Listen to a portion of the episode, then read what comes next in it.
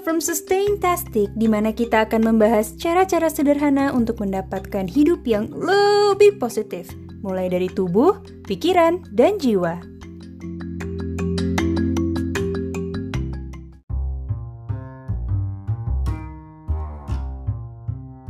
Salah satu kendala dan dilema yang membuat para millennials menjadi galau adalah hubungan dengan orang tua adanya perdebatan, argumen, merasa tertekan, dan lain-lain.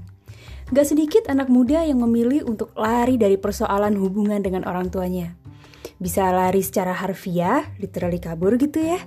Atau lari mencari distraksi untuk melupakan sejenak perasaan jengkelnya. Tebak apa? Ini adalah hal yang dialami anak muda pada umumnya, di mana ada energi dan ego untuk berani stand up, menunjukkan prinsip kita ke orang tua. Pertanyaannya, apakah yang kita maksud udah disampaikan dengan rasa tenang atau justru emosi? Apakah hal itu merubah situasi jadi baik atau justru tambah rumit? Aku Nindi, host dari Sustaintastic, dan ini adalah episode yang membahas tentang mengelola energi kita dikala menemukan waktu yang sulit dengan orang tua.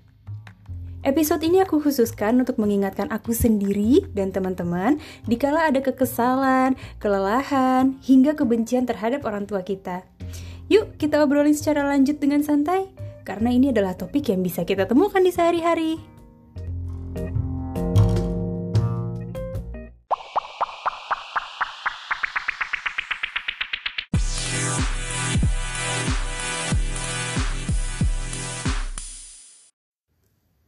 Sebelum kita masuk ke topiknya, aku mau kita ingat dulu sosok yang kita akan bicarakan ini, yaitu orang tua kita. Ibu dan ayah, seorang ibu atau seorang ayah, yang kandung atau yang angkat. Pastinya kita lahir di dunia ini dengan bibit biologis, ya kan? Yaitu ibu dan ayah kandung kita. Terlepas dari di mana posisi mereka berada saat ini, um, ada yang dekat atau yang jauh, ada yang kita kenal dengan baik atau yang tidak begitu kita kenal dengan baik, ada yang kita tahu identitasnya ataupun tidak diketahui identitasnya sama sekali. Kita sering berasumsi semua orang tuh punya orang tua. Pernah gak sih kita berpikir bahwa ada di luar sana orang yang memang hidup sendiri sejak kecil, yang jangankan bertemu dengan menghabiskan waktu bersama orang tuanya, bahkan untuk punya memori tentang mereka aja adalah salah satu hal yang mereka inginkan. Jadi, kalau ada situasi di mana kita ngerasa jengkel, ngerasa selalu berdebat atau tengkar, sadarilah bahwa kita masih satu level di atas orang lain. Masih ada hal yang bisa kita syukuri dari situasi ini, yaitu keberadaan mereka. Dan mungkin di tahap ini ada yang masih jengkel ya, masih ngebayangin masa-masa sulitnya dengan orang tua dan justru berpikir bahwa, hmm, enggak lah, keberadaan mereka tuh justru nyusahin kita. Ya, nggak apa-apa, kita semua punya pandangan masing-masing, tapi khususnya di podcast ini, di episode ini, aku ingin share beberapa kisah tentang hubungan anak dan orang tuanya yang bisa kita ambil pelajarannya dan mungkin bisa memperluas cara pandang kita dalam mengelola energi saat berhadapan dengan situasi yang sulit dengan orang tua kita. Kalau teman-teman pernah nonton atau dengar cerita Bill Gates dan ibunya, mereka punya rocky relationship. Jadi mereka suka debat, suka tengkar semasa mudanya Bill Gates dulu. Sampai mereka harus ke terapis untuk menemukan jalan damai. Bill Gates ingat satu hal yang dikatakan sama terapisnya itu yang bisa mengubah mindsetnya seketika. Nah, ini kalimatnya bagus banget diucapin dalam bahasa Inggris yang artinya perdebatan ini nggak mudah buat ibu kamu. Dan juga nggak mudah buat kamu. Tapi ini lebih nggak mudah buat ibu kamu. Karena beliau merasakan apa yang kamu rasakan, padahal beliau tetap berada di sisinya kamu. Ibunya pun sama, kesal juga sama Bill Gates. Tapi, sakit hati yang orang tua rasakan dari anaknya itu berkali-kali lipat. Karena meskipun mereka kesal, mereka masih di sisi anaknya, masih peduli, masih care dengan anaknya, masih mikirin dalam diamnya, masih berdoa untuk dala, untuk anaknya dalam diamnya. Sementara lebih mudah bagi kebanyakan anak untuk memilih lari ke hal lain yang bisa merubah haluan pikirannya dan mencari kesenangan dari luar. Teman-teman ingat nggak? Waktu dulu kita belajar matematika, awalnya kita belajar mengenal angka dulu. Terus kita belajar menulis angka. Terus kita belajar berhitung. penambahan, pengurangan, terus naik level ke perkalian, ke pembagian, dan seterusnya. Kita semua pernah berada di posisi bawah. Jadi sepintar-pintarnya kita, bahkan saat kita merasa ilmu kita lebih tinggi dari orang tua kita, ingat, saat suatu bisnis berkembang maju dan besar, siapa sih yang sebenarnya lebih besar? Bisnisnya itu atau founder dan CEO-nya? Otak dari bisnis itu? Aku berkata gini karena aku pernah ada di posisi itu. Dan surprisingly ternyata anak seusiaku dulu waktu aku masih 20-23 tahun, di mana aku lagi banyak belajar dan sampai di tahap di mana aku bisa membenarkan kalimat orang tuaku yang gak tepat, di situ aku mulai merasa aku tuh lebih pintar dari orang tuaku. Aku nggak sadar, caraku kemudian berangsur menjadi arogan dan egoku meningkat karena terlalu pede akan ilmu yang aku punya. Padahal meski pernah benar satu dua kali, kita belum tentu selalu benar, ya kan? Aku banyak mengalami debat, argumen, cekcok dengan ibuku. Dan aku menyesali itu saat aku sadar, sepintar apa pun kita, sekaya apa pun kita, sesukses apa pun kita dari orang tua kita, kita menjadi sarjana dengan gelar, sedangkan orang tua kita nggak ada gelar, tingkat mereka selalu yang tertinggi kedua setelah Tuhan Yang Maha Esa. Pernah nggak teman-teman berpikir, saat kita memiliki ilmu, mendapat kesempatan sekolah keluar, mendapat pasangan yang baik, meraih kesuksesan yang besar, semua yang lebih dari apa pun yang orang tua kita pernah miliki dan pernah raih, tandanya kita adalah buah dari kesuksesan orang tua kita. Karena umumnya orang tua selalu pingin anaknya mendapatkan sesuatu yang lebih, serba lebih dari apa yang mereka pernah milikin. Lebih pintar, lebih rupawan, lebih bahagia, lebih mudah, lebih sukses, lebih berhasil. Sekarang, siapalah kita untuk merasa lebih dari mereka saat apa yang kita miliki saat ini adalah buah dari usaha dan yang paling penting, doa dari mereka. Sampai sini, mungkin ada dari teman-teman yang berpikir, orang tuaku nggak gitu, nggak peduli, nggak ada kontribusinya, nggak sayang sama aku. Coba yuk, aku ajak kamu pakai kacamataku, aku pinjemin kacamataku biar kamu bisa lihat pemandangannya dari kacamata ini. Coba lihat orang tua kamu. Apakah mereka manusia? Sekarang tundukin kepala kamu sedikit. Lihat diri kamu. Apakah kamu juga manusia? Sekarang coba jawab jujur. Apakah kamu pernah berbuat kesalahan? Apa pun itu. Apakah mungkin kamu bersih dari berbuat salah? Salah mengambil keputusan, salah menanggapi sesuatu, salah mengambil langkah, salah dalam perencanaan, salah dalam perkataan, Apakah bisa kamu luput dari itu semua? Sekarang coba lihat lagi orang tua kamu. Apakah manusia yang ada di depan kamu bisa luput juga dari kesalahan? Orang tua kita nggak mungkin luput dari kesalahan, karena beliau pun manusia seperti kita. Bisa jadi mereka mengambil keputusan yang salah, memandang kita dengan sisi yang kurang positif, menyakiti kita dengan perkataan dan keputusannya, menaruh kita di posisi yang kurang membahagiakan. Tapi percayalah, apa pun itu, mereka sudah melakukan yang terbaik. Yang terbaik, bahkan jika yang terbaiknya masih belum berhasil, itu udah yang terbaik yang bisa mereka pikirkan dan lakukan. Ada cerita tentang anak yang hidup dengan ibunya yang sakit jiwa. Ibunya nggak ingat sama dia, padahal dia anaknya, ya kan? Udah ibunya nggak kenal anaknya, tapi dia sering marahin anaknya ini karena kan dia tinggalnya bareng.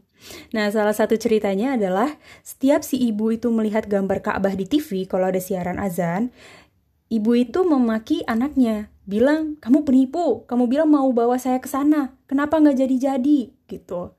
Nah, itu salah satu contohnya aja. Masih banyak hal lain yang membuat si anak nih sering jadi korban amarahnya. Anak itu kebetulan lagi membawa si ibu ke dokter untuk check up rutin. Jadi ibunya selalu ada jadwal untuk cek ke dokter. Si ibu itu sering marahin anak itu di depan dokternya juga. Pokoknya ibunya sering marah-marah sama anaknya. Si dokter bilang, taruh aja ibu kamu di rumah sakit biar kita yang urus. Karena dokternya kasihan ngelihat anaknya ini. Tapi anaknya enggan. Dia bilang, gak apa-apa dok, kita pulang aja ke rumah. Dokternya tanya, loh kenapa? Dia bahkan gak kenal kamu. Dia sering marah-marahin kamu. Apa yang membuat kamu mau urus beliau? Dia menjawab, Ibu saya nggak kenal saya, tapi Tuhan tahu dia ibu saya. Begitulah sepatutnya kita berbakti ke orang tua. Aku sering dengar makin ke sini makin banyak yang mengatakan situasi dan kondisi dirinya yang dalam konotasi negatif ini semua akibat kesalahan didik orang tuanya, kekurangan perhatian orang tuanya, kekurangan kasih sayang orang tuanya. Ada juga yang bilang hubungannya toksik dengan orang tuanya. The thing is, kalau orang tua kita nggak seperti siapa mereka saat ini, kita nggak menjadi diri kita yang tangguh melewati berbagai gejolak emosi yang ditimbulkan, baik dengan dari urusan keluarga ataupun urusan lainnya. Ingat, semua yang terjadi itu untuk kita, bukan kepada kita. Semua yang datang ke kita itu bukan untuk kita layanin, tapi untuk melayani kita. Orang tua kita begitu bukan untuk kita layani dengan kejengkelan dan kekesalan, tapi untuk kita, untuk membangun diri kita. Ngomong-ngomong tentang kekecewaan beberapa anak terhadap gaya didik ataupun karakter orang tuanya, aku mau ajak kita untuk balik lagi ke pertanyaan ini. Sampai kapan kita mau melihat sesuatu dari apa yang nggak bisa kita kontrol? Dan akhirnya terlalu fokus dengan hal yang nggak kita kontrol, kita lupa sama apa yang bisa kita kontrol. Perilaku orang tua kita, pola pikir orang tua kita, teknik didik orang tua kita, keyakinan orang tua kita itu bukan kontrolnya kita kita bisa berdiskusi dengan catatan, diskusinya dengan cara yang baik dan lembut. Dan bahkan dengan usaha segitu pun mungkin hasilnya bisa merubah atau nggak bisa merubah orang tua kita. Berdasarkan pengalamanku debat, argumen, sampai duduk diskusi dengan bicara lembut ke orang tua, itu nggak bisa merubah orang tuaku. Aku udah di titik di mana aku merasa yang aku lakukan ini buang-buang energi. Karena kalau aku bicara ke Nindi yang 2-3 tahun yang lalu, aku akan bilang, Nin, jangan buang-buang energi berharap orang tua bisa berubah atau berusaha merubah orang tua. Pakai aja energinya untuk sayangin mereka. Kasih apa yang mereka suka. Kasih perhatian yang gak biasanya mereka terima. Hatinya pasti akan melembut dengan sendirinya. Semua akan berubah lebih indah kalau misalnya hati mereka udah melembut. Bahkan lebih indah dari apa yang pernah kamu inginkan. Nah, aku bilang begitu karena aku udah mencoba trik ini. Dan percayalah, bahkan ada, masih ada rasa sedih, gondok saat melakukan ini. Tapi ya saat melihat reaksinya beliau pun hatiku jadi meleleh gitu ya. Ngelihat si mama senyum karena aku, ngelihat si mama muji aku, biar cuma sedikit juga, tapi itu menyenangkan hati banget loh. Nah, kalau kalian punya tipe orang tua yang kayak ibuku, seringnya ngasih kritik dibanding ngasih pujian, percayalah entah di dalam hatinya atau ke orang lain, mereka tuh sebenarnya membanggakan kita, menjual nama kita seakan-akan kita nih anak yang terbaik di dunia. Dulu pemikiranku adalah orang tuaku nggak ngelihat usahaku, orang tuaku nggak ngelihat kebaikanku, cuman ngelihatnya keburukanku aja. Sampai aku diketemukan dengan sepupuku yang bilang, Nin, kok lucu ya? Padahal di depan kita tante tuh sering loh banggain Nindi. Nah, Entah apakah itu cara orang tua kita mendidik, atau memang karakternya seperti itu, kita nggak pernah tahu isi hati mereka. Yang jelas, orang tua ingin anaknya mendapatkan apa pun yang lebih dari apa yang mereka pernah milikin. Di saat orang tua kita sedang melakukan kesalahan, jangan buat mereka malu dengan kesalahannya dengan menunjukkan bahwa kita yang benar, kita tahu lebih benar. Kadang tanpa kita tunjukin mereka pun sebenarnya udah merasa malu loh. Mending malu, bahkan ada orang tua yang sampai ngerasa gagal sebagai orang tua. Asumsiku, kalian yang mendengarkan ini udah dewasa. Udah duduk setidaknya di bangku SMA, kuliah, ataupun udah kerja, mau berkeluarga, ataupun udah berkeluarga. Bayangin kalau kamu mau berkeluarga. Pasti kamu udah terpikir, aku nanti nggak mau didik anakku begini, aku nggak mau nanti didik anakku begitu. Karena hal yang kurang baik yang kamu rasakan, nggak mau dirasakan ke anak-anak kamu lagi ya kan? Begitu juga orang tua kita. Pernah nggak berpikir, gimana ya, dulu kakek, nenek mendidik orang tua kita. Gimana sih parentingnya mereka ke orang tua kita? Aku percaya, yang orang tua aku berikan ke aku itu udah jauh lebih baik dari apa yang mereka pernah dapatkan. Sekarang, mereka udah memberikan yang terbaik buat kamu. Hingga di posisi kamu saat ini bisa punya berbagai kecerdasan yang bisa membimbing kamu ke episode podcast ini. Apakah tidak sebaiknya kita pun memberikan yang terbaik untuk orang tua kita? Buat mereka senang, meskipun kita awalnya ngerasa susah ngelakuin itu. Jangan nambah kekhawatiran mereka. Berkata jujur dan lembut ke mereka. Bagaimanapun orang tua kita, kita nggak bisa membandingkan dengan orang tua lain. Meskipun di mata kita terlihatnya orang tua mereka tuh baik banget. beda sama orang tua kita. Karena percayalah teman-teman, gak ada orang tua yang ideal di dunia ini. Banyak orang yang kehilangan orang tuanya berharap jika bisa mereka memutar waktu kembali, mereka akan melakukan hal yang baik-baik untuk mereka, mau membahagiakan mereka. Coba tanya sama teman-teman kamu yang udah kehilangan orang tuanya. Kita yang masih diberi kesempatan, sebaiknya melakukan itu sebelum datangnya hari di mana kita nggak bisa lagi memberi sesuatu ke mereka kecuali doa.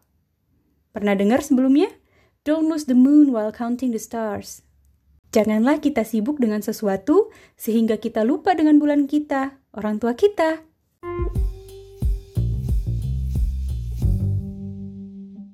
Akhir kata, aku mau mengajak teman-teman semua untuk stand up, get up, bangkit dan tersenyum. Syukuri bahwa saat ini kita masih berniat untuk memperbaiki hubungan dengan orang tua kita. Memperbaiki hubungan dengan orang lain sama dengan memperbaiki hubungan dengan diri kita sendiri juga loh akan ada banyak sekali cinta dan kasih sayang yang dibagikan dalam hubungan yang baik, sehingga diri kita pun merasa penuh dan gak lagi merasa kosong atau hampa. Ingat ya, fokuskan energimu ke apa yang bisa kamu rubah. Kamu bisa rubah cara pandang kamu terhadap sesuatu ke arah yang lebih positif. Ambil pelajarannya, fokus ke pelajarannya. Jangan menyia-nyiakan energi kita untuk fokus ke kejengkelan. Karena gak akan berbuah apa pun selain kebencian yang makin mendalam. Jadi kita harusnya tersenyum. Kita masih merasakan keberadaan mereka di sisi kita, masih membangun memori dengan mereka. Kita masih memiliki andil dan peran baginya. Dan selama itu, jadilah yang terbaik bagi mereka. So, just show up and do your best. Semasa hidup kita, jadilah yang terbaik untuk orang tua kita. Dan kalau kamu sudah melakukan hingga titik maksimal kamu, Siap-siap untuk menerima hal baik dari arah yang tidak pernah kamu sangka. And that's my gift for you today. Terima kasih ya udah mendengarkan Sustentastic. Follow Sustentastic untuk tips-tips powerful yang bisa mengingatkan kita untuk terus menjaga gaya hidup sehat. Sustentastic ada di Spotify, Google Podcast, Apple Podcast, dan RSS Feed. Oh iya, ngobrol yuk. Langsung sapa aku ya di Instagram at Anindish. E N D Y S C H. I'll talk to you there soon. Bye.